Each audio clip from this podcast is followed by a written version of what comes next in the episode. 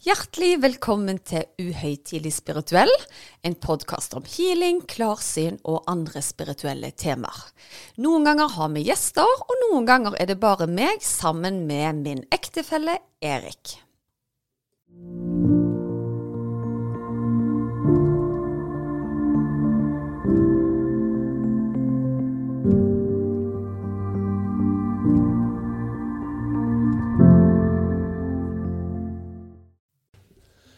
Ja, Susanne, da var vi i gang igjen.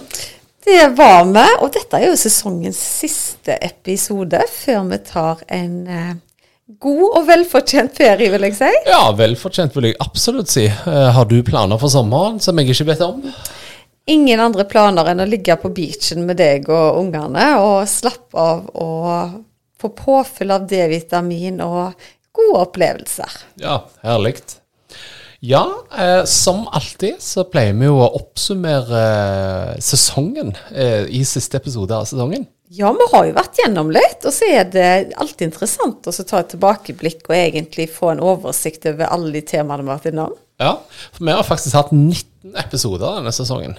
Ja, det, tida går fort. Ja, og eh, ja, jeg syns vi har vært flinke. Er kjempeflinke, og så er det jo ingen hemmelighet at vi er travle begge to. Og i tidsklemmer så klarer vi som regel å prioritere podkasten. Og det er jo litt fordi det har blitt en sånn kvalitetstid mellom meg og deg òg. Vi syns det er veldig gøy å skape noe sammen.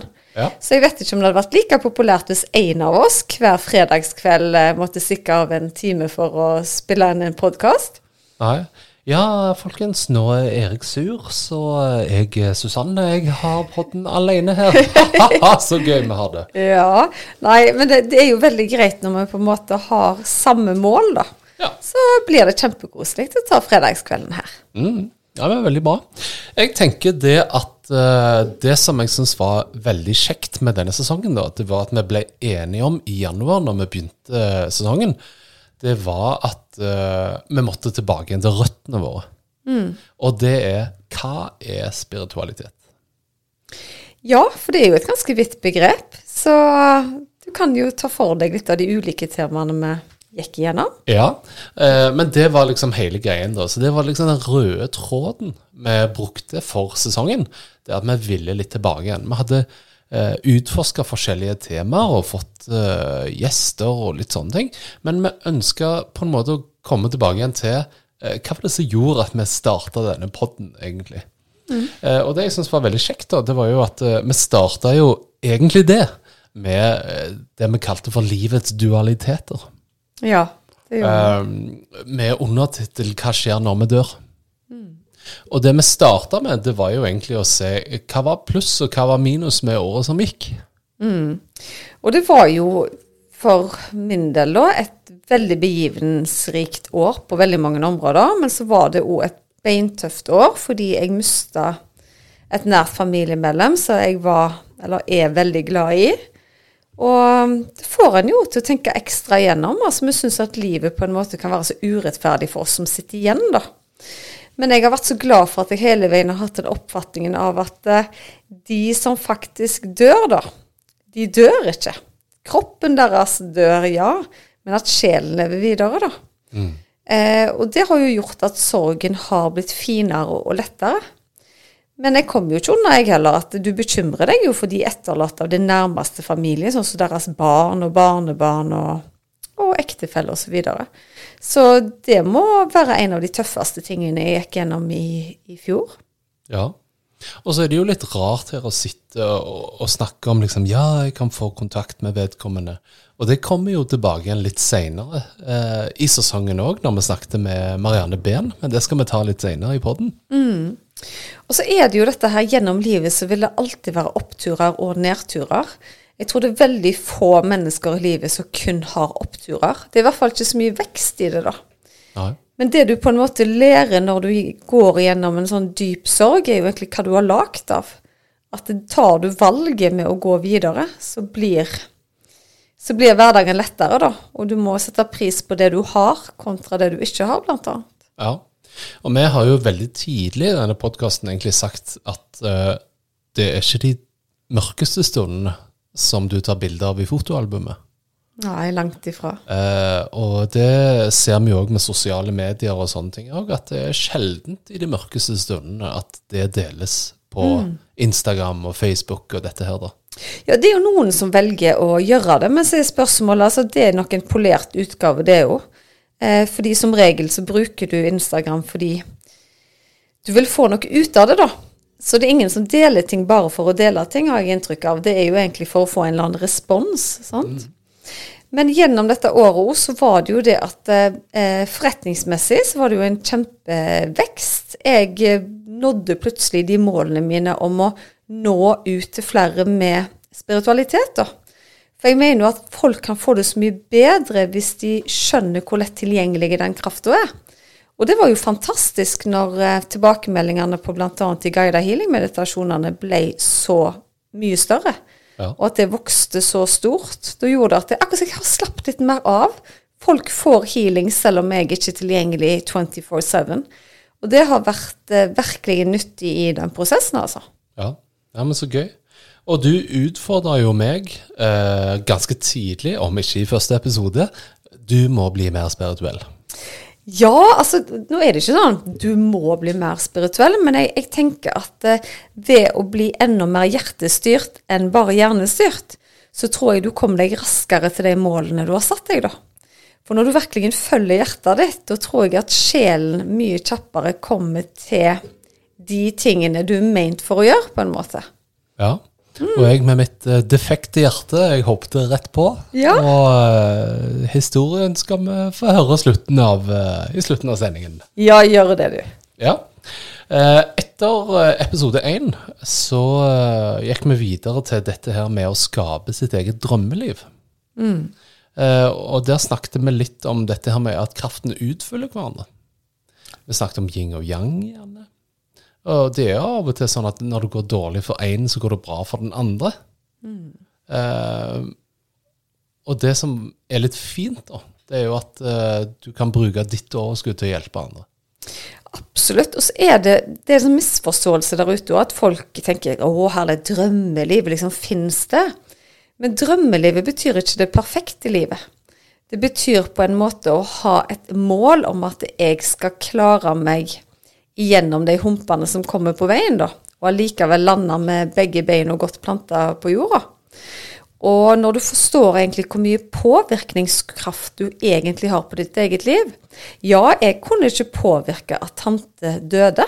Jeg kunne være der og støtte opp i den prosessen hvor hun var syk. Jeg kunne være der for familiemedlemmene. Men jeg må ta et bevisst valg på hva som skal til for at jeg mestrer tiden etterpå, da. For vi mennesker har òg eh, veldig lett for å ta den i hermetegn offerrollen. Det betyr ikke at det er legitimt. Jeg forstår alle som sørger så bare det når ting er beintøffe. Men det gjør jo ikke situasjonen bedre verken for deg eller de andre etterlatte, da. Så det er jo det å gradvis komme seg tilbake til livet, uansett hva katastrofe som innhenter. Om det er sykdom, om det er en forferdelig hendelse som skjer. Du hører de som eh, huset brenner ned, eller de er utsatt for ei ulykke, så må du på en måte bare brette opp armene og komme deg gjennom, da. Ja. Nei, det er sant, det. Og så snakket vi litt om dette her med å jobbe utenifra, for du har jo dine guider. Det er jo ikke alle som opplever at de har guider som på en måte eh, guider de, for å si det sånn. Og det er jo det som er så interessant, for alle har de. Det er bare det at du ser ikke helt skogen for bare trær, for du er ikke blitt lært opp til hvordan du skal kommunisere, da. Ja. Eh, men jeg er veldig glad for at jeg har et veldig godt forhold med deg. Og noen ganger så kan jeg være litt irritert, fordi jeg føler gjerne at de ikke hører på meg. Men stort sett så får jeg jo veldig mye bevis på at de er der og legger til rette for at jeg skal utvikle meg, og at jeg også skal bistå andre, da. Men jeg tror eh, guider er der for de som er villige til å lytte. For de er utstyrt med fri vilje. Så de vil ikke pålegge deg noe som helst, de vil veilede deg. Litt som hvis du ringer til foreldrene dine eller en god venn og ber om råd. Så kan jo du velge å avstå fra det rådet.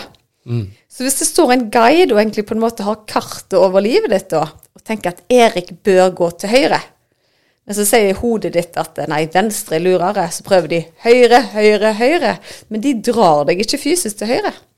Så nei, det er kjempeinteressant. Så hadde alle visst egentlig hvor mye hjelp det er å lytte innover til guidene sine, så hadde de vært spart for mye frustrasjon, spesielt i forhold til dette med gale og riktige valg. da. Ja. Og der må jeg jo bare sitere vår favorittnumerolog Åse Steinsland, som posta et bilde på Instagram When nothing goes right, go left. Oh yes. ja. Ja. Nei, men eh, så må jeg jo bare si at eh, jeg eh, hadde en samtale med en gammel kollega her om dagen. Og så kunne vedkommende fortelle meg at jeg var den beste lederen vedkommende hadde hatt. Og det syns jeg var utrolig kjekt å høre. Og så var jeg så glad for å høre det at jeg fortalte det til en La oss kalle han en mentor av meg. Så sier han Vet du hva? Jeg er så glad du fortalte meg det. For det at det som er viktig for deg som person, det er at du må fortelle det videre. Du må ikke være redd for å fortelle andre om dine suksesser, for da dør flammen med deg. Så det at du forteller meg, gjør det at det lever videre. Det handler ikke om å skryte eller noen ting. Det handler faktisk om å dele gleden med andre. Og det tror jeg vi kan være flinkere til. Absolutt. Og i en sånn situasjon som det, så er det jo et klapp på skuldra fordi vi har gjort en god jobb, da. Og så er vi jo som mennesker veldig flinke til å huske de veldig gode tingene og de veldig dårlige tingene. Ja. Det er egentlig med alt i livet. Sånn som i barneskolen nå, du husker gjerne de kjekkeste turene og òg de mest forferdelige lærerne eller de mest forferdelige elevene. Så vi er jo litt utstyrt at vi ikke husker så mye det der jevne som ikke skilte seg ut, da. Ja. Så jeg syns det er fint Så feirer når vi får positive tilbakemeldinger. Ja. Og så kan du jo se at ok, får vi negative tilbakemeldinger, så er det mange som sier ja, alt er jo bra, for det er konstruktiv kritikk. Men så er det gjerne noen som gir deg en tilbakemelding som bare ikke reflekterer det du står for i det hele tatt ord. Og da har du jo sjøl et valg om hvor mye skal jeg la dette her spise meg opp, da. Ja. Men jeg vet det er utrolig vanskelig, for spesielt hvis du er sensitiv, da, litt sånn som jeg er, så har du et enormt behov for å overprestere. Du ønsker sånn at alle skal få wow-effekten rundt deg, uansett hva du gjør. Og så kommer det gjerne et menneske som du ikke møter på den måten de hadde forventa. Da tar jeg det veldig fort til meg. Da blir jeg, da blir jeg skikkelig lei meg. Og det må jeg jobbe med. Ja. Heldigvis så skjer det veldig sjeldent. Men eh, det skjer med meg òg, at du får tilbakemeldinger som du ikke blir så glad for å høre, da. Ja. Nei, og det er jo en typisk ting, enten det er jobb eller personlig, så må vi lære oss å separere personen Susanne og eh, Susanne, typen som tilbyr eh, en tjeneste, f.eks. Absolutt. Og jeg har vært den som gjerne har eh, ropt høyest i det når jeg underviser i dette her med å bli en bedre utgave av seg sjøl. Hvis det er 100 stykker i rommet, og alle elsker deg, men så er det én som sier noe negativt, at du ikke skal være fokusert på den. Men det er annerledes når du opplever det i praksis uansett, så jeg øver meg hele veien. Ja. For fremdeles så har jeg den biten i meg som er opphengt i den ene, selv om jeg ikke ønsker det. Men jeg er blitt mye flinkere nå til å snu arket på begge sider, da, for å si det sånn. Og, og erkjenne at det er en svakhet i meg som sensitiv, og som en sånn pleaser av natur, da. Ja, og det er akkurat det eksempelet med at det er en i rommet som ikke liker deg, f.eks., eller eh, Det brukte vi jo som et eksempel i poden òg. Hvor vi da sa at nå skal du gå inn, og så skal du prøve å identifisere denne personen. Og når du kom ut igjen, så snudde vi hele øvelsen på hodet. Samme, vet du hva, den ene personen som ikke likte deg, den er inni hodet ditt. Og det er ofte sånn. Ja, og når du i tillegg gjerne får det bekrefta av fysiske personer i, i tillegg, da, så er det kanskje ikke, ikke så bra. Men jeg tror eh, vi må bare erkjenne oss at uh, uansett hvor hardt vi jobber, hvor mye vi prøver på en måte å utvikle oss, være vår beste utgave, så kan vi ikke nå alle. Og det er litt fordi at mennesker er på ulike frekvenser. Så med enkelte typer mennesker vil du føle bare at alt flyter kjempelett, mens med andre ikke. Og da er det rett og slett at det er en ubalanse med hva frekvens du er på, kontra den andre. Og det betyr ikke at noen er på en bedre frekvens, for sånn blir vi jo ofte. At 'Å, jeg er på en sånn høy frekvens, og du er på en lav frekvens'. Det er ikke nødvendigvis der det ligger i det hele tatt. Men det er det å møte mennesker, og hvor, hva nivå du vibrerer på, rett og slett. Ja. Og jeg tenker en liten lærdom å ha med der, det er at uh, perfekt i økonomisk teori er ikke 100 Det er 99,99997. Det vil alltid Det vil da si at det vil alltid være en defekt et sted. Og sånn er livet. Det gjør det. Så det er ok. Og så betyr det ikke at den ene personen sin mening er fakta. Nei, jeg er helt enig. Men så hadde vi jo da besøk av Marte og Maria.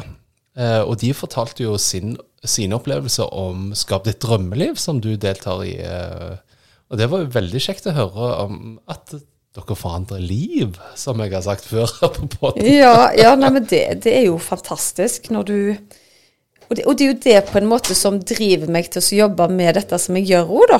Er jo det at når du kan se mennesker bli en bedre utgave av seg sjøl.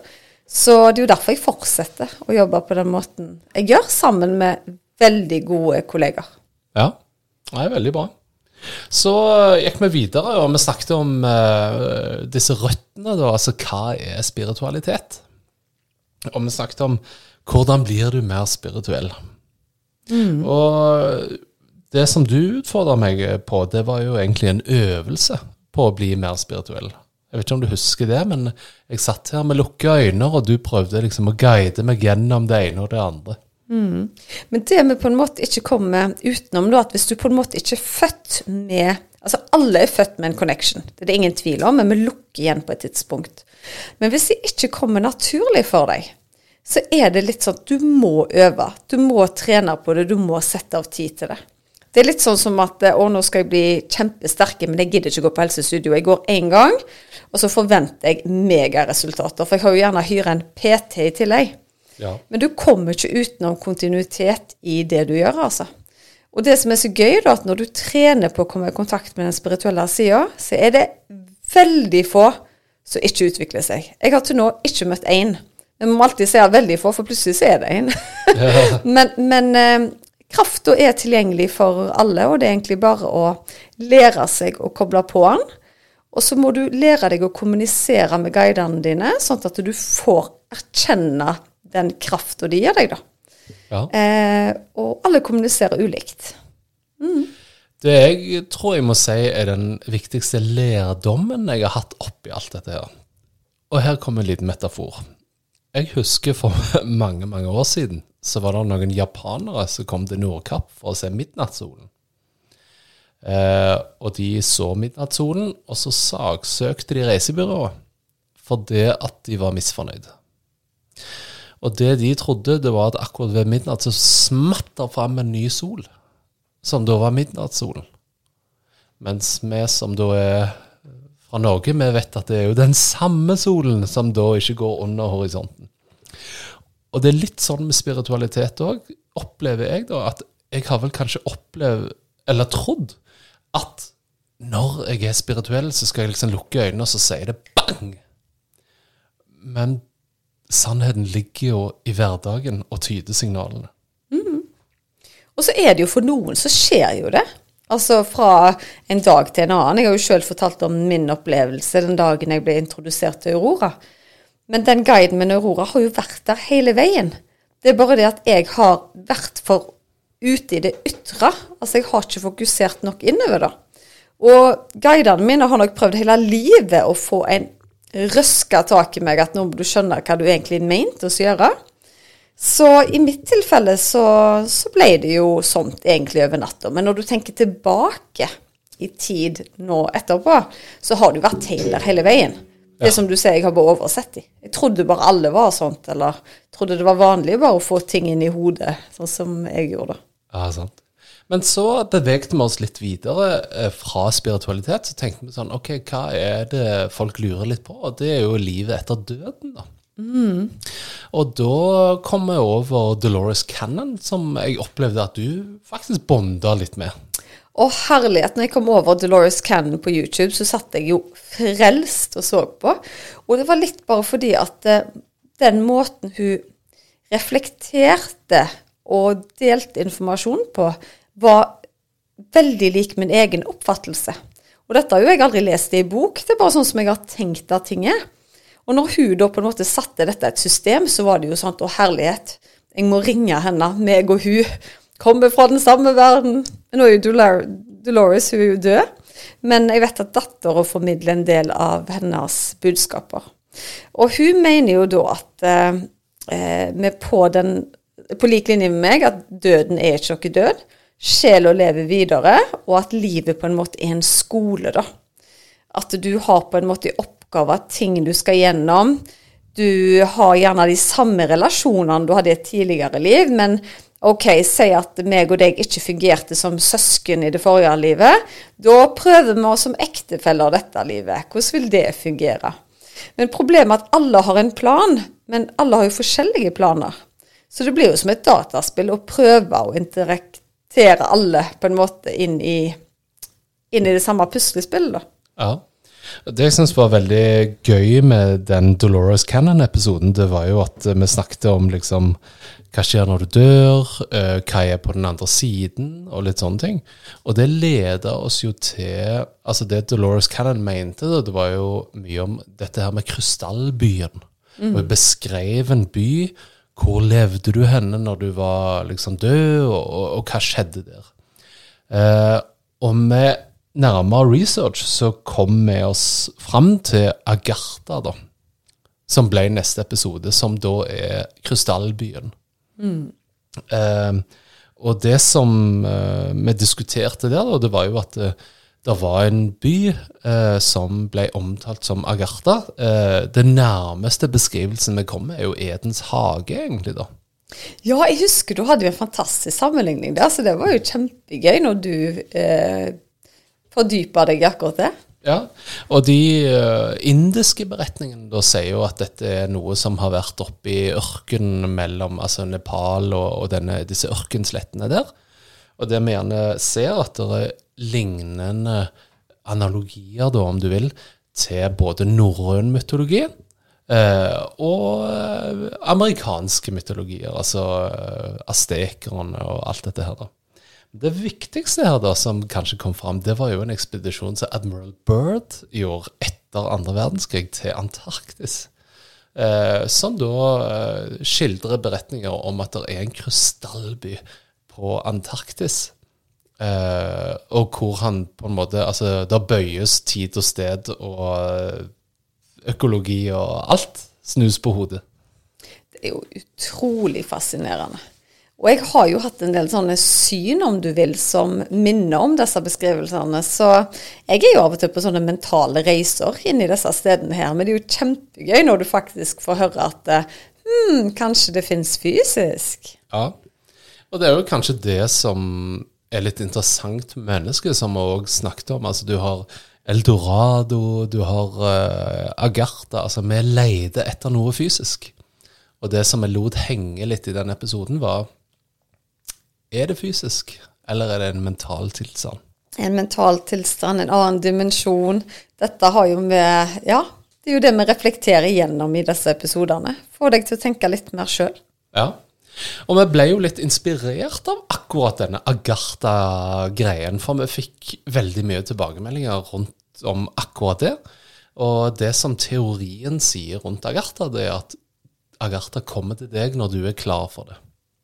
Uh, og da opplevde jo vi at uh, ok, ja, men etter uh, så og så mange episoder, så kanskje vi var klar for å både lære om og formidle om Agartha. Absolutt. Og så gikk vi videre til neste steg, som da var Lemuria. Som da var et slags Ja, hva er det? Lemuria har mange navn. Noen mener Atlantis. og det var òg andre beskrivelser rundt det. Men det interessante her er at igjen så kommer det paralleller på tvers av kontinenter i verden. da.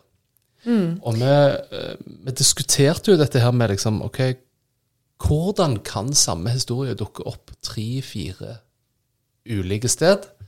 Uh, og i hvert fall så langt tilbake i tid. Sånn som nå med internett, så er det ikke noe sånn magic over at det er samme historien.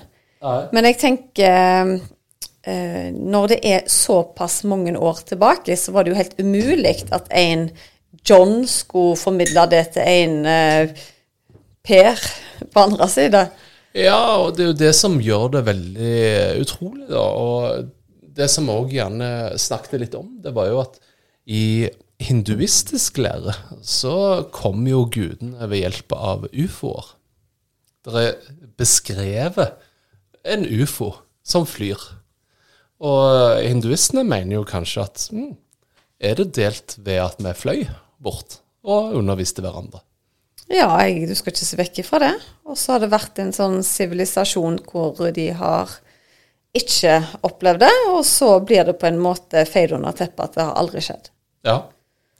Og det leder oss litt mer til dette her med intuisjon, da. For det at uh, Vi så to ting under ett. Det ene var intuisjon, og det andre var å utfordre etablerte sannheter. Så vi valgte å dele det i to episoder. Den første ble intuisjon, hvor vi snakker litt om, om deg, faktisk. Du snakker om nivåer. Nivået 10 000, sier du ofte når du healer. Mm. Så prøvde vi å stille litt spørsmål. Hva er disse nivåene for noe? Ja, og det har jeg jo aldri på en måte hatt et klart svar på da tilbake i tid. Jeg har jo bare brukt intuisjonen min og bare snakket høyt under healingene, sånn at klienten skal få følge prosessen hvis de ønsker det. Eh, men det som er litt spesielt, at jeg følger jo det samme systemet i dag som jeg gjorde eh, for veldig lang tid tilbake når jeg starta med 1-til-1-healinger. Så fremdeles snakker jeg om nivå 10 000, ulike frekvenser, energinivåer og dimensjoner. Og så får vi jo da en tilbakemelding fra en lytter som kunne fortelle noe spesielt om nivå 10 000? Ja, og det hadde jo en connection med f.eks. Atlantis, da, at det var noe med disse healing-templene i Atlantis som uh, Som befant seg på nivå 10 000. Stemmer. Ja. Så det er utrolig interessant altså, når bitene av puslespillet på en måte jobber seg sammen, da. Og jeg har jo alltid vært av den oppfatningen at når det kommer til jobben min, så skal jeg lese minst mulig, fordi jeg vil ikke la meg påvirke. Hadde jeg på en måte tidlig i min karriere lest om forskjellige nivåer eller frekvenser, eller sånn, så hadde jeg kanskje ikke utvikla mitt eget system, da. Nei. Så um, jeg syns det er utrolig fascinerende. Og når jeg sier utvikla mitt eget system, så har jeg nok ikke det heller. Jeg blir jo bare fortalt hvordan ting skal gjøres. Jeg skal ikke gi meg sjøl æren for det. Ja, Men det gjorde jo at uh, når vi diskuterte Lemuria og Krystallby og Agartha og alt det her, så gikk det jo Altså, mennesket er jo naturlig skeptiske. Og vi ble jo òg naturlig skeptiske og satt og tenkte ok, nå har vi utfordra folk på å flytte eh, streken i sanden. Men hvor eh, går grensen mellom eh, Ja, hva heter det? Preken og lære? ja. ja. Så det vi egentlig hadde da, det var en episode rundt om dette med å utfordre etablerte sannheter. Og det som var formålet der, det var jo egentlig å tenke da Ok, hvis du tenker Agartha eller Lemuria Ryggmargsrefleksen sier tøys.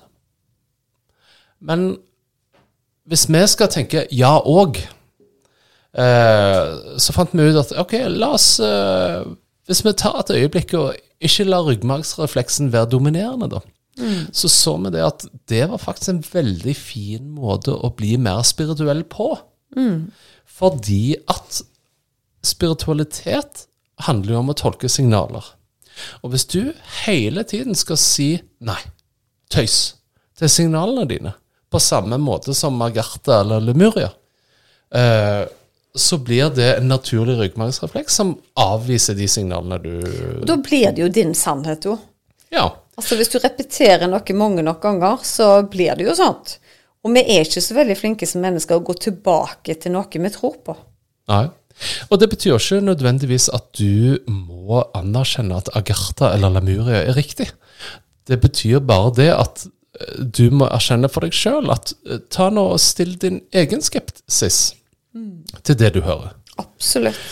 Og vi snakket litt om dette her med personer som gjerne står fram eh, og forteller om overnaturlige ting. Den naturlige refleksen til mediene, det er jo en umyndiggjøring og en latterliggjøring. Eh, og da kan du begynne å lure. ok, er det en grunn for det, eller ikke? Ja. Ja. Men i hvert fall så det viktigste for oss, det var jo å se da at ok, ja, men det med å tenke kritisk og ukritisk har en sammenheng med utviklingen av egen spiritualitet. Ja, helt klart. Ja. Det har det. Og det leder oss til neste episode, som handler om forutinntatthet og skepsis. Eh, vi kleiste inn law of attraction inni der. Men uh, det vi syntes var veldig spennende Jeg hadde hatt et kurs på jobb som handla om dette med forutinntatthet. Ja, stemmer det. Ja.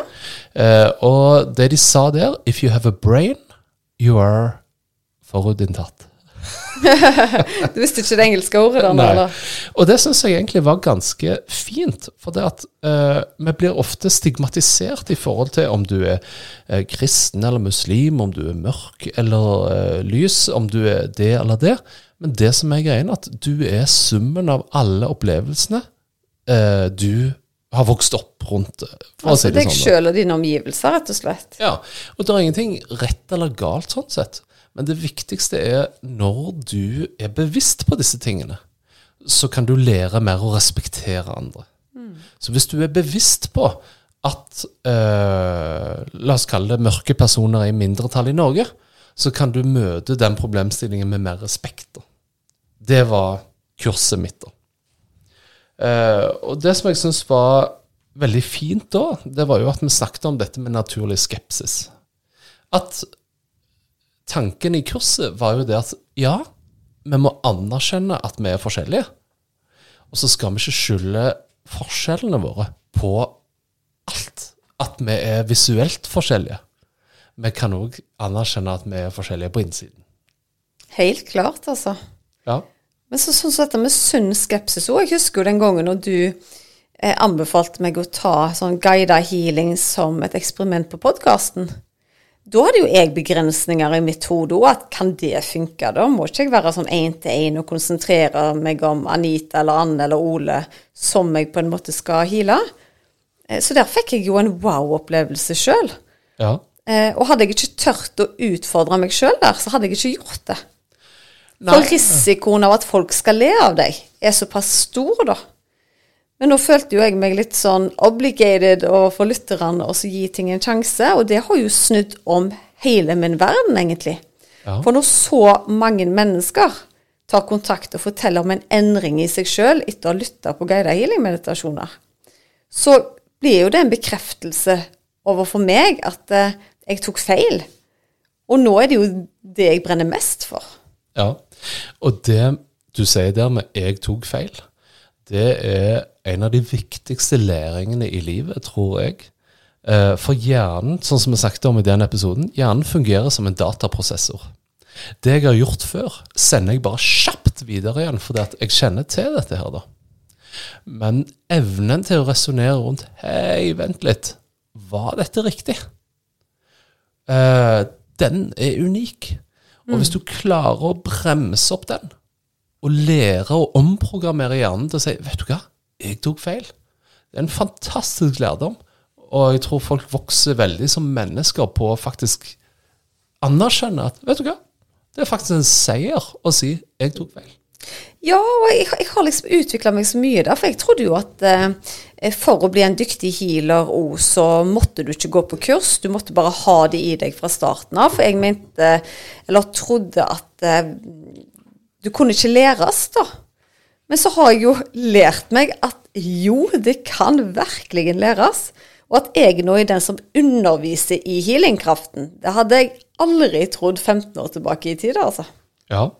Ja, for du har jo eh, virkelig bonda med Torunn Antonsen, som Og jeg opplever jo at dere utfyller hverandre veldig fint. Veldig.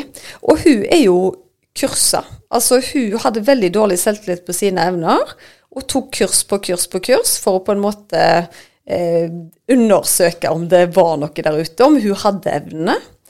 Eh, heldigvis for meg, og heldigvis for henne, så skjønte hun eh, etter hvert at virkelig det hadde hun. Så hun er jo en fantastisk healer og utrolig dyktig medium. Så jeg og hun utfyller nok hverandre i den forstand at eh, hun måtte jobbe veldig mye for å overbevise seg sjøl om at hun hadde evnene, mens jeg fikk det litt sånt over natta og var ganske trygge på krafta, da. Men hun har jo lært meg at det er ikke nødvendigvis de som eh, får den der en store, revolusjonerende opplevelsen at det eh, fosser vann ut hendene, og at de brenner. Eh, det er ikke bare de som kan bli healere, da. Det er noen du må lokke og lure litt ut krafta på. Ja. Så det er utrolig spennende å, å jobbe med henne. Og det å se mennesker som aldri trodde de kunne kjenne noe eller utføre healing, at de praktiserer det i det daglige i dag, er jo fantastisk. Ja, kjempebra. Jeg pleier jo ofte å si at uh, du er min eh, engel. Eller? Det har jeg aldri hørt før, Erik, men det er veldig kjekt du sier det i dag. Ja. Sier du det til alle vennene dine, eller? Nei, men det passet så fint, for det at neste episode handla jo om erkeengler. Å ja, det liker vi. Ja, og vi diskuterte jo hva er en engel? Ja, hvis vi snakker med litt sånn hierarki, da, så er jo erkeengelen gjerne den som er på toppen og styrer. De som er nærmest den guddommelige kraften, da. Og jeg har vært så privilegert at jeg har jobba litt med erkeengler. Og eh, vi hadde jo, jeg tror vi nevnte i den episoden òg, at eh, jeg skulle undervise i dette kurset Vekt din intuitive healer, hvor vi skulle snakke om erkeengler. Så tenkte jeg liksom, hva skal jeg fortelle om da? Liksom, har jeg noen spesielle historier, eller Så kom jeg ikke på noe. Men da ble det sendt en e-post til min e-post ifra meg sjøl. Det inneholdt et lydopptak hvor jeg hadde lest inn en melding som i personlige dagbok, hvor en erkeengel kom til meg på natta. Så det var jo helt tydelig at kommunisere på sin måte, det kunne de med å sende lydfil på en e-post til meg sjøl. Og da hadde jo skeptikeren i meg Kan jeg ha gjort det i søvne? men, eh, men bare det hadde vært imponerende å sende den lydfilen til seg sjøl. Hvorfor skulle jeg det? Jeg kunne jo bare hente den opp eh, en annen plass han var lagra. Ja. Nei, vi ser jo gang på gang at det åndelige følger med i eh, teknologisk utvikling. Vi husker jo alvene på Island som aksepterte USB-er. Ja, ja, ja. Det er helt sant. Og jeg tror det er ikke for ingen grunn at jeg nå jobber digitalt. Det er jo fordi vi har skjønt at lyd er absolutt en kraft som bør utnyttes enda mer. Ja. Så bevegte vi oss videre med, til fordeler med meditasjon. Og vi snakket jo om Når vi snakket om erkeengler, så, så snakket vi om disse syv ty, altså hovedtypene, eller de syv Ja. da. Eh, og du be- eh, beit deg fast i Uriel, som Ja. da hadde samme egenskaper som din Aurora. Ja, og det var jo en helt sånn spesiell opplevelse, for Uriel er jo den som jeg på en måte har fått kontakt med i seinere tid, om du vil, da. Og hun har kommet, eller han har kommet eh, gjennom i veldig mange guida healing-meditasjoner òg. Så eh, det er en helt spesiell følelse når Uriel jobber gjennom meg. Ja, ja men veldig kult. Og når vi på en måte fikk Uriel og Aurora-diskusjonen gående, så snakket vi jo om dette her med meditasjon og sy, uh, syv forskjellige meditasjonstyper, da. Eh, igjen tallet syv. Uh, og vi snakket om fordelene med meditasjon. Eh, nå skal ikke vi gå i dybden på akkurat alle fordelene, men det som vi snakket litt om, da, det er jo at det handler jo om å rydde litt i boden. Gi rom til seg sjøl, rett og slett. Og, og så er det en sånn en eh, litt sånn gammeldags oppfatning at hvis du skal eh, meditere, så må du sitte i et rom for deg sjøl med gjerne beina i lotusstilling og Ja. Ja. Eh, Og, og det er ikke noe feil i det, men for min egen del også, jeg er jeg en veldig utålmodig person, og det er jo derfor disse guida healingene har vært mye mer effektive for meg. Da blir det på en måte kanalisert ned ganske kjapt, og så gjør det at vi lettere kommer inn i den tilstanden, da. Ja. Så jeg vet ikke om popstjerner hører på sin egen musikk. Men jeg lytter faktisk til mine egne meditasjoner når jeg har det vanskelig. Og det som er så rart da, er at eh, jeg føler ikke at jeg hører på meg sjøl. Jeg føler at det, jeg hører på den kanalen av energi som blir gitt til meg, på en måte, da. ja. Så jeg, jeg hører bare på formidleren av krafta, på en måte. Og bare om vi snakker om det nå, så blir jeg jo pumpa rød i hendene. Det er ganske fascinerende. Ja, veldig kult. Eh, men når du kommer til ulike meditasjonsteknikker, så trenger du ikke å ha en guidet meditasjon. Du kan bare fokusere på pusten din, f.eks. Du kan meditere mens du går en tur. Prøve å bare ta inn sansene. Hva hører du, hva opplever du, hva ser du? For veldig mange hiver på musikk eller podkast på ørene idet de går en tur, bare for å gi seg sjøl påfyll, og det er vel og bra. Men noen ganger så trenger vi bare stillhet et par minutter for å høre oss sjøl tenke. Så du er veldig inne på det der. Rydda plass i den innvendige boda di er utrolig viktig for hele nervesystemet, egentlig. Ja. Jeg syns det var en ganske fin uh, metafor i forhold til lyttepod, uh, podkastere på egen podkast. Si, Lyttepopstjerner på egen musikk. ja. Og uh, jeg har jo vært på karaoke i Las Vegas.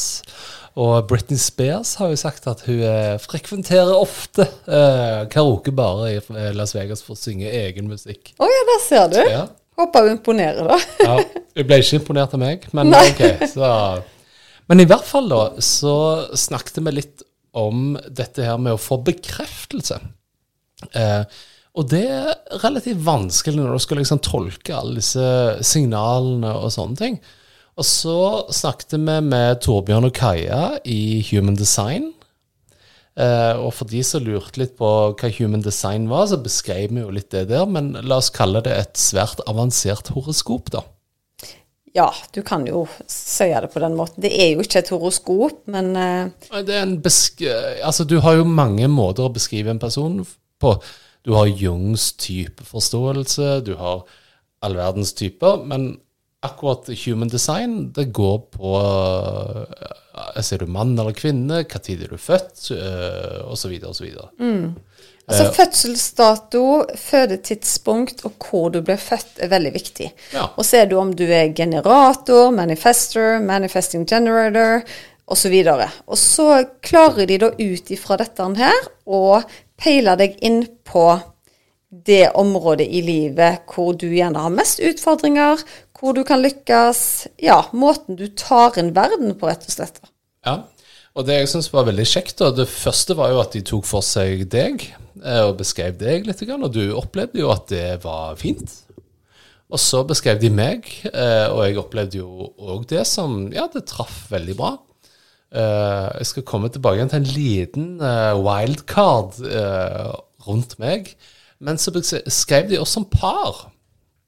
Og det syns jeg egentlig var ganske interessant. For det at um, når jeg tenker på Den beste måten jeg kan beskrive meg og deg i forhold til human design, hvordan de beskrev oss, det er at jeg folder hendene. Det er at vi utfylte hverandre veldig, veldig bra. Ja, sa de vel det at vi ikke bare utfylte hverandre på en måte kjærlighetsmessig, men òg forretningsmessig, da. At vi hadde veldig sånn stort potensial for å trekke ut det beste i hverandre. Ja. Og det er jo veldig fint når at vi, vi føler jo veldig det sjøl òg. Eh, men det er når noen andre kommer inn og ser det i kartene, så er det jo kjempespennende.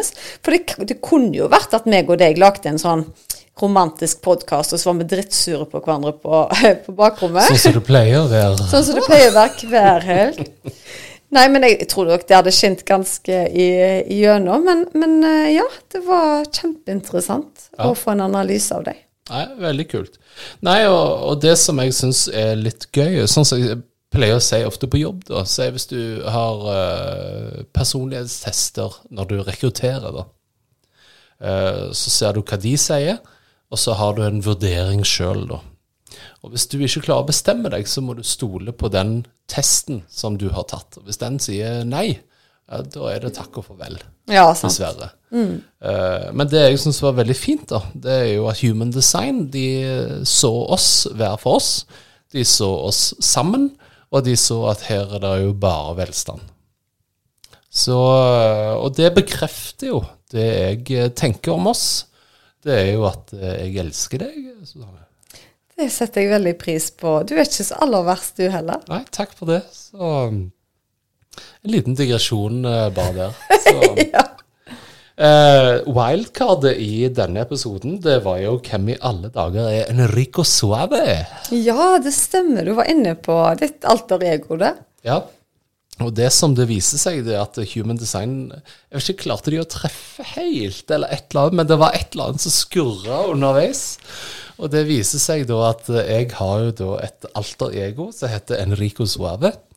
Du har jo den seriøse Erik, som er podkaster, siviløkonom og alt det seriøse. Og så har du jo da han som liker å sprelle litt, som da eh, heter Enrico Suave. Hvor Erik må gå og rydde opp etter hele tiden. Men han er veldig festlig. Ja, han er veldig festlig. Veldig kjekt å være med han på fest. Ja. Men ok. Eh, det var Human Design. Og så fikk vi nye gjester på kjøkkenbordet her hjemme. Vi hadde rigga opp podkast og eh, lydreflektor og alt det der. Og så kom Tom og Von eh, inn i stuen vår. Stormende inn i stua vår med trommereiser, og vi møtte kraftdyret, og det var så gøy. Det var en fest å være sammen med de eh, menneskene. Ja, og det var jo første gang vi hadde hatt eh, Hva kan jeg si? Første gang vi intervjua noen live. Live. Altså, ja, live i stua. Ja. Og det var jo så kjekt. Vi kunne jo tenke de å ha de på middag resten av uka der. Ja. Og så fant vi jo ut at uh, sjamanisme og healing er jo basically the same.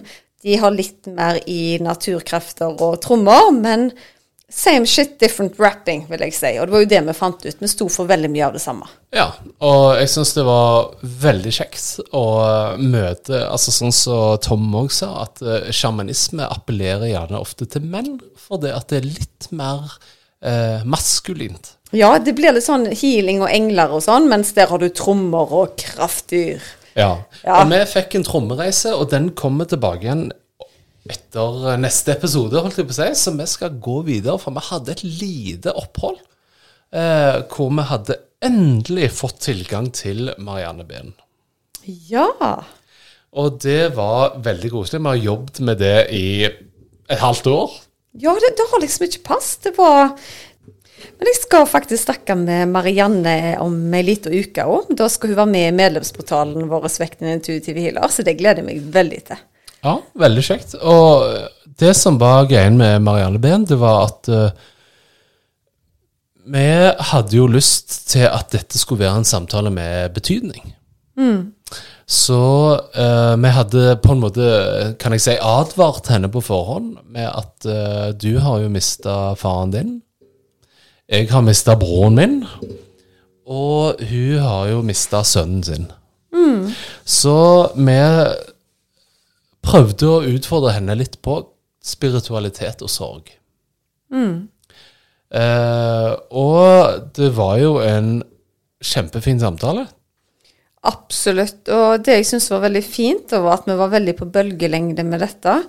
For sånn som jeg sa til henne, at jeg er i den oppfatningen av at uansett hvor store sorgen er, så må du bestemme deg for at du vil gå videre. Og der var det ganske risky å si det til ei mor i sorg, men hun var jo helt enig med meg. Hun sa at hun måtte bestemme seg for å gå videre, og da gikk jo ting eh, bedre, da. Ja. Men ei utrolig fin og, og spennende dame som hadde da et lystig barnebarn som trippa rundt der ja, det var veldig koselig. Og vi fikk jo henne til å fortelle om sorg fra et foreldres perspektiv, ikke fra et spirituelt perspektiv. Eh, og som du sier, her var det da et barnebarn som sang og koste seg i bakgrunnen, som vi hørte. Eh, og det var jo kjempekoselig at eh, du ser på en måte gleden opp i sorgen, da. Absolutt. Så all ære til henne for at hun hadde en så åpen, fin samtale med oss. Ja, så det var jo bra. Så oppsummerte vi litt grann til, i forhold til dette her med trommereisen, og vi kalte episoden for 'Finn ditt kraftdyr'.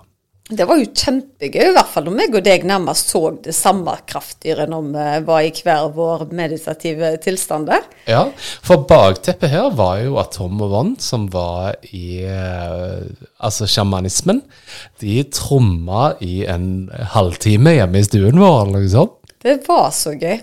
Og jeg, eh, jeg fikk jo et syn hvor jeg danste oppå delfiner og alt mulig greier, og fikk egentlig beskjed om at jeg må begynne å ha det mer gøy. Begynne å leke litt mer, ikke ta livet så veldig seriøst. Jeg føler jo alltid jeg har så stor oppgave om å løfte andre, og ting skal være så seriøst og sånne ting. Og så glemmer jeg av og til at eh, jeg skal av og til bare være Susanne og ha det kjekt, hun. Ja. Så nå drar vi til det gode utland og skal være frie. Kanskje jeg skal ri på, ri på en delfin, om jeg får si. ja. Og jeg fikk jo beskjed om at jeg trodde mitt kraftdyr var en ulv.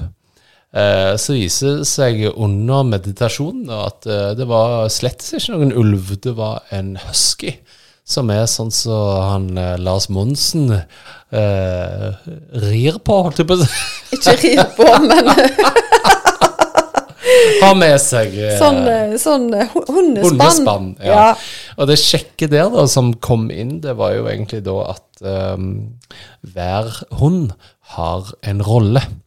Og du må lære deg sjøl hvilken rolle du skal spille. Og det har satt et par griller inni meg. Det må jeg bare si. Det er utrolig gøy. Vet du hva? I neste sesong så må meg og deg utfordre oss sjøl til å ta flere sånne trommereiser. Så kan vi få masse innsikt, men vi har ikke prioritert det. Ja. Så der har jeg gått i min egen felle. Jeg sier hele veien at jeg skal utvikle meg spirituelt, men det var jo en ting som virkelig ga mersmak, og det har jeg ikke fått tid å gjort. Så det må meg og deg gjøre. Ja, jeg utfordrer deg til å møte Tom og Von igjen. Ja, men det skal vi jo. Ja, veldig bra. Ok, eh, vi eh, fortsatte derfra. Eh, kraftdyr var spirituelt. Det var liksom litt Narnia-aktig.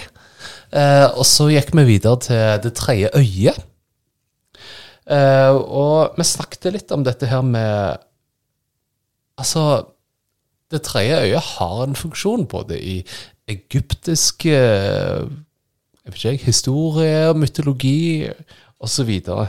Um, Og i India så markerer jo damene dette området her med en sånn prikk, blant annet. ja, og vi diskuterte litt sånn Hvor kommer det fra?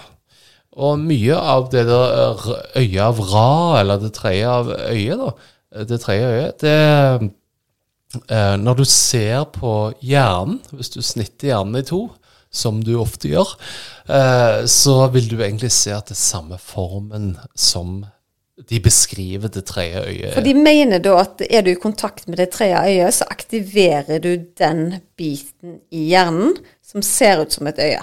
Ja. Og hele poenget med det tredje øyet, det er jo at du er intuitiv.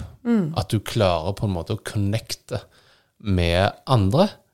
Og gjerne den ikke-fysiske verden i tillegg. Ja, hypotetisk sett, står du med ryggen til hverandre, så klarer du å oppdage hva den andre skal ikke si tenker, men du er med på poeng? Ja, det er jo kjempelinka til intuisjonen, og jeg syns det er veldig fascinerende. Sånn som du har jo fortalt til meg bl.a. at uh, du av og til har bedt guidene dine om hjelp, og så hører du ingenting. Så sier du til meg 'hører ingenting'. Men så har jeg gjerne fått beskjeder på natta som jeg overbringer til deg. Ja. Det er utrolig fascinerende. Så da har jo dine guider skjønt at han der en dotten der, han hører ingenting. Men ta det via kålen. Dot, faktisk. ja. Men jeg, jeg husker jo du var veldig tidlig på en gang vi var på et uh, seminar hvor det var en dame som skulle på en måte bringe uh, beskjeder fra den andre siden. ja. Og så sitter vi der, og så er det jo alltid du de connecter med. Så sier jeg til deg eh, hva, hva er det som er greien da med at det, det er bare deg? Så sier du at problemet ditt det er at du er altfor høflig. Tenk deg at det er en vegg mellom oss og den andre siden. I den veggen er det et lite hull. På den andre siden står det 300 mennesker og prøver å gaule gjennom. Mens på vår side så sitter det da 30 kursdeltakere og håper at akkurat sin eh, Fra den andre siden Ja. skal komme igjennom. Og det jeg gjør, jeg tenker inni meg Nei, det går helt fint. Jeg skal ikke forstyrre de døde. Mens du er bare 'Pappa, hei, nå må du gi meg et tegn, ellers gidder jeg ikke tenke på deg mer'. Ja, ja. Og så bare hei, hei, hei, Så kaster han seg mot det hullet. Bare, hei, Susanne! Men så er det jo litt med personligheter òg. Altså, den personligheten du har på jorda, den tar du med deg på den andre sida. Så hvis du er veldig beskjeden, så er det liten sannsynlig for at du på en måte baner deg vei og, og blir den som roper høyest på f.eks. en sånn medium eh, til, da. Ja.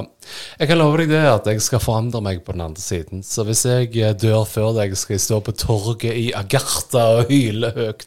Da er det sikkert jeg som ikke fatter signalene i det hele tatt. Så du bare Hva er den lyden? Ja. Men ok. Um, vi snakket litt videre sammen med Torunn, faktisk, om healing. Eh, og ikke minst om kraften. Og da kom jeg inn på dette her med har alle evner? Ja, og det snakket jeg om litt tidligere i episoden, og det er jo det som har vært min store lærdom da, er jo det at det har jeg virkelig skjønt. Alle har han. Du må bare trene, og så må du finne ditt supertalent. For alle har et spirituelt supertalent.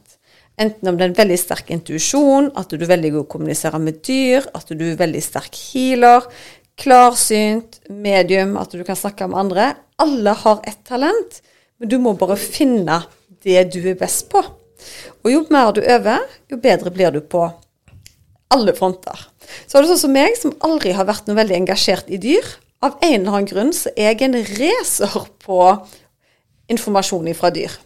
Så vi hadde bl.a. i medlemsportalen hvor det var en, en hund som hadde en, skulle ha en operasjon av et kne. Så hun fra USA, som var gjesten vår, eh, skulle liksom gå inn og så sjekke om denne operasjonen kom til å gå bra, da. Og da klarer jo ikke jeg å dy meg, for da føler jeg jo at denne hunden, som jeg ikke ser engang, kommuniserer med meg.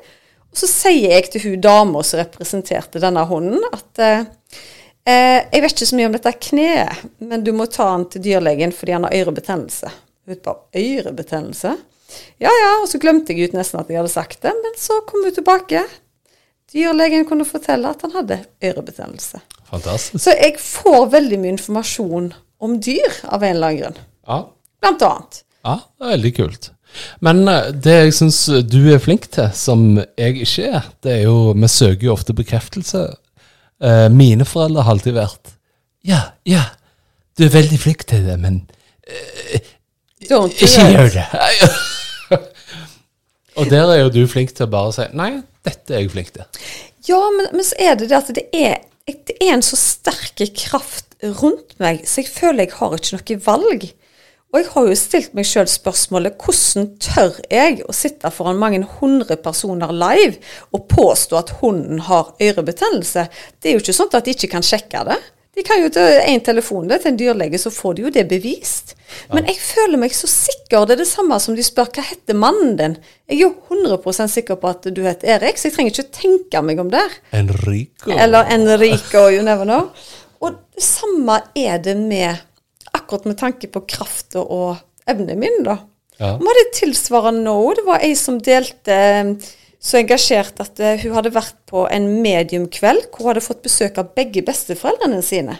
Så så ikke det litt spesielt når vi er så mange folk som ønsker å få kontakt med avdøde. Og så fikk jeg av begge mine, det var jo kanskje bare et par som ble plukket ut, da. Og da sier jeg uten å tenke meg om at eh, jo, jo, men nå hadde jo de en litt sånn personlighet òg, da, at de tok litt plass, sånn som jeg var inne på i stad. Ja. Så sier jeg, men hvorfor viser de meg lyse krøller? De er veldig opptatt av lyse krøller. Og så lot jeg den henge litt, og så gikk vi videre i, i kurset. Og så får jeg en melding av henne etter kurset at dette er litt spesielt, Susanne. Fordi på denne scenen, de som fikk kontakt med besteforeldrene mine, sa det samme som deg. At de er veldig opptatt av lyse krøller. Så kunne hun fortelle at onkelen hadde fantastiske lyse krøller.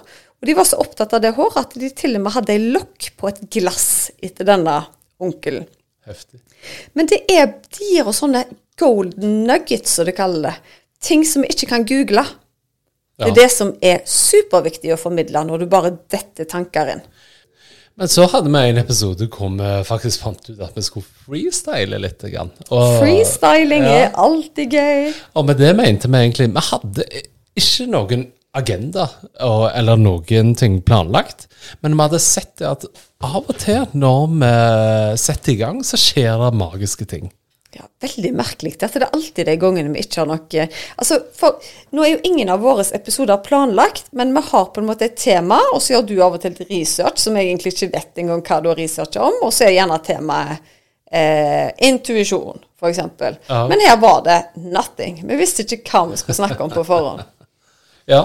Nei, og det syns jeg ble, ble veldig bra. Vi snakket jo litt om mediumskap, eh, men så hadde vi jo sett en, eh, en eh, dokumentar om Lilly Dale på Netflix. Ja.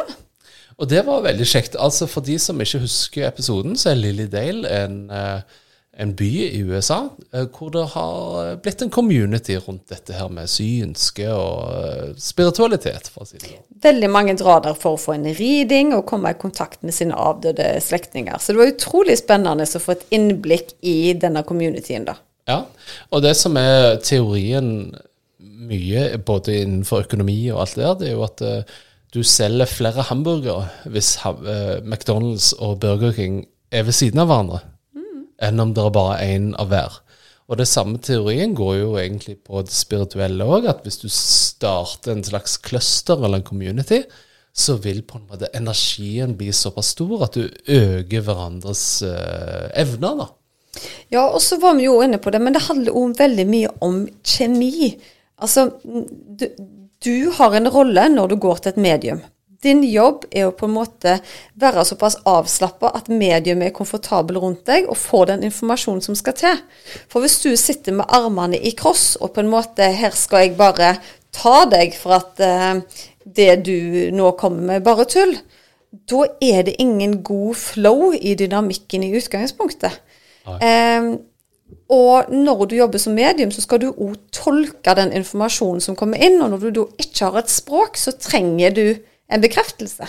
Hvis jeg sier til deg at du, jeg ser ei lita eldre dame med lyst hår og litt krøller, og hun smilte og lo, og gjerne noe som bare du kjenner igjen, da. Jo, hun bar deg til dåpen. Ja. Og hvis du bare sitter og ser på meg, da, så tenker jeg gjerne her har jeg bomma, da må vi få en en annen. Og det er ikke nødvendigvis at du har tatt feil, men du har gjerne tatt opp ei tipp-tipp-oldemor, da. Men hvis du kjenner deg igjen, så har du faktisk et ansvar å si ja, det var min mormor som bar meg til dåpen. Ja. For da har du noe å spinne videre på. Men hvis du skal sitte der og bare Jeg skal ikke gi dem noen ting, for nå skal de overbevise meg. Da er det som regel ikke en god, god riding. Men en god rider skal kunne gi deg informasjon de ikke hadde forutsetning for å vite. Ja, og det syns jeg var veldig fint i den eh, dokumentaren, da, hvor de fulgte forskjellige personer. Så var det jo en person som ikke nødvendigvis bonda med én av de, men fikk mye mer informasjon fra en annen. Eh, og og det jo, handler jo rett og slett om å snakke på samme nivå, da. Ja. Men så snakket vi òg litt i denne episoden om å mestre gjennom andre. Og det la egentlig grunnlaget for en nytt kapittel i livet mitt, som egentlig hadde oppsummert seg fra hele episoden, og det var jo å få selvtillit nok til å tro på seg sjøl, da. ja. Så å mestre gjennom andre ble på en måte mantraet mitt gjennom eh, Hold deg fast. Mitt nye selskap. Gratulerer, Erik. Tusen takk. Så jeg skal jo nå starte som eh, konsulent sjøl, eh, hvor min jobb egentlig blir å få folk til å føle seg bra og få gode resultater. Og jeg står og løfter andre. Er det gøy? Det er bra. Jo, jeg tror du har veldig mye å vokse på det å eh, Hva skal jeg si? Få oversikten over din egen tid, da. Og ikke bare være et samlebånd for andre. Ja. Og så er du en person med veldig store verdier når det kommer til mennesker rundt deg, så jeg tror du passer bedre å jobbe med mindre bedrifter, kanskje. Eh, og se de som virkelig trenger å løftes, da. Ja. Og det er jo veldig gøy. Altså, jeg la ut en post på LinkedIn faktisk om at eh, nå skal jeg begynne for meg sjøl. Og to døgn ute i det, så er det altså over Var det 5000 som har sett dette her? Ja, og når jeg skulle gå inn på min egen hjemmeside, Erik, det har jeg ikke sagt til deg, og så kom jeg ikke innpå, så jeg googla bare sånn eh, Healer Susanne, og da kom det opp 'Mest søkte Erik Ertsland Askvik'. Oi, oi, oi, se der. Ja, så nå er det ikke healeren de vil ha, nå lurer de på hva er Erik. Ertsland Askvik eh, gjør. Ja, ja, men veldig kult. Nei, men det er veldig kjekt. Og jeg, det som jeg syns er det kjekkeste av alt, når jeg har brukt to måneder på å sondere markedet litt, grann, besøke gamle kolleger og gamle kjente på og sier sånn OK, hvis jeg skal starte for meg sjøl, hva skal jeg gjøre? Og fy flate for en tilbakemelding. Folk har vært ærlige brutalt ærlige, og virkelig stått på tribunene og heia. Fy flate, så kjekt, altså. Absolutt. Så tusen takk til absolutt alle. Og jeg håper fortsettelsen blir like kjekk som eh, Det som gjør det helt sikkert. Ja. Men lytterne er jo da sikkert litt opptatt, eller lurer sikkert på hva er det du skal gjøre? Ja. Altså, jeg eh, starter jo da en virksomhet som eh, Skal vi kalle Businessdoktoren? Om vi skal kalle det businessdoktoren. Du fikk det jo kanalisert ned. Nå må, Ja. du, nå, må, nå må du fortelle hele historien her. Ja. Jeg lurte jo på hva dette skulle hete, så Susanne sover på det, og jeg får da beskjed om at det skal hete Businessdoktoren. Eh, og vi skal løse små og store problemer for små og store virksomheter. Ta en helsesjekk for din bedrift, rett og slett. Ja, Så det blir veldig kjekt. Og vet bedriften hva problemet er, så er jo ingenting bedre enn det. Da er det å få inn de mekanismene som trengs. Ja. Men så er det jo ikke alltid vi vet hva som feiler oss. Og da kan de jo ta kontakt, sånn at du legger til rette for hva de må gjøre for å bli kvitt sin akilleshæl, da. Ja. Eller akilleshæl, heter det. Hælen er det nok, Ja. ikke seden. Men ok. Ja, nei, men veldig bra. Og så begynner vi å nærme oss uh, med siste sesong, nei, siste episode i sesongen. Det var jo om kornsirkler. Ja, det er jo kjempespennende fenomen. Og jeg er jo overbevist om at disse skjer på ekte. Ja, og det vi snakket jo om, oppsummerte jo litt at vi hadde jo vært i bryllup i Italia, og hvordan det var. Eh, men så syns vi jo at dette med kornsirkler var veldig spennende. Og spesielt rundt kornsirkler så er det sterke meninger om det er tøys, eller om det er fakta. Og det som vi gjerne poengterte litt, at eh, der det er fakta, så er det òg tøys. Absolutt. Det er jo ikke sånn at jeg tror at alle er utenomjordiske som kommer ned og lager et print.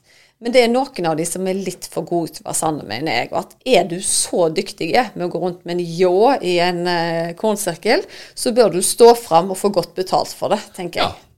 Og, og, og det tenker jeg òg at eh, Sånn som vi snakket om, det er et par budskap som vi var inne på i den eh, episoden der, som gjerne bør eh, tenkes mer over. Eh, så det syns jeg var spennende, og det er mange Av og til så er det litt for mange tilfeldigheter. Ja, og jeg fikk jo en merkelig sånn beskjed òg når vi hadde den eh, innspillingen der. Ja. For da var det noe med eh, DNA-et deres eller noe sånt. At vi fikk en beskjed om at eh, de hadde en ekstra på en måte hale på DNA-et sitt. Og at jeg fikk beskjed om at det var fordi du alltid var en voksen og et barneutgave av deg sjøl. Og kunne veilede. Utrolig gøy, altså. Ja, og jeg tenker, hvordan får vi de opplysningene? Ja, nei, i, I mitt tilfelle så er det jo bare jeg begynner bare å plapre. Og eh, vet egentlig ikke hva jeg sier før jeg er ferdig, egentlig. Så, og det er jo det som har vært på en måte en trygghet i denne podkasten, er det at eh, de fleste lytterne har jo vært med oss fra starten, og de vet at jeg ikke mener at jeg har patent på hvete. Jeg deler bare det som kommer. Og så er det veldig gøy. Dette sier vi nå, og så kan vi og deg le litt av det. Kanskje om 50 år så kommer folk til å se Husker dere hun Susanne som sa på podkasten, og folk tenkte bare herlighet, liksom. Men det vet vi jo ikke. Nei. Og jeg kan jo ikke kvalitetssjekke det på noe som helst måte ennå. Nei. Men hele poenget med episoden 19 og kornsirkler, det var faktisk å utfordre etablerte sannheter, som vi hadde snakket om tidligere. Eh, og Det betyr ikke at noe er rett eller galt, men det betyr at vi skal sette hjernen vår litt i sving, og så gjøre opp vår egen sannhet. Og det er jo egentlig oppsummert det vi ønsker at hele podden skal være. Vi sitter ikke med fasiten, men vi ønsker å utfordre virkelighetsbildet litt, grann, sånn at du som lytter på, faktisk kan lage din egen sannhet. Og hva om du som lytter faktisk besitter mange flere ressurser enn det du er klar over? Du har et helt team av energier rundt deg som ønsker kun å bistå deg, men du har fri vilje, så du er nødt til å begynne å snakke med dem. Og Ja. det gjør du mentalt. Da er det rett og slett å be om hjelp når du trenger hjelp. Ja, enig i det. Nå har jo dette blitt en fryktelig lang episode. De er sikkert drittlei av å høre på Ja. oss. Nå må dere bli ferdige for i dag. Men vi er jo så kjekke folk å høre på. Ja, så jeg bare gleder meg nå til å få en sommer hvor vi kan få mange fine samtaler, meg og deg. Hvor Ja. vi kan legge til rette for en ny, spennende sesong. Hvor vi skal komme friske og uthvilte og virkelig by på oss sjøl videre. Og vi setter utrolig pris på alle dere som lytter, både hver uke, og dere som binger mange episoder i strekk. Absolutt. Utrolig kjekt å få tilbakemeldinger på Instagram og diverse, og likes og stjerner og det som hører med. Og så er det kjempegøy at dere deler at dere lytter eh, på Instagram. Eh, det har jeg oppfordra til tidligere, og så har jeg glemt det litt. Og da har ikke folk vært så flinke med å legge ut at de lytter på oss. Men det er noe som er utrolig gøy. Å se hva settinger dere faktisk lytter til uhøytidelig spirituell. Ja, og det vi faktisk er mest takknemlige for, det er at det ikke er noen negativitet rundt det vi prater om. Og det gjør at vi som sitter og prater, kan dytte vår strek i sanden litt grann videre. Så tusen, tusen takk for at dere viser oss den respekten at vi òg kan utfordre oss sjøl. Absolutt. Og med det ønsker vi dere en nydelig sommer. Yes, god sommer. Tusen takk for følget. Vi snakkes igjen i august. Ha det! Ha det, ha det.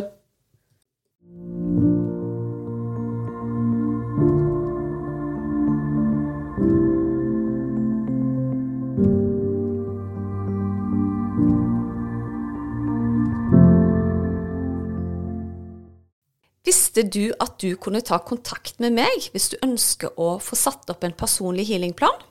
Da er det bare å kontakte meg via Instagram eller på e-post, så gjør jeg det helt kostnadsfritt.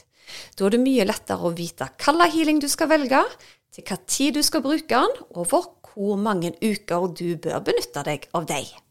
Gå inn på healersusanne.com.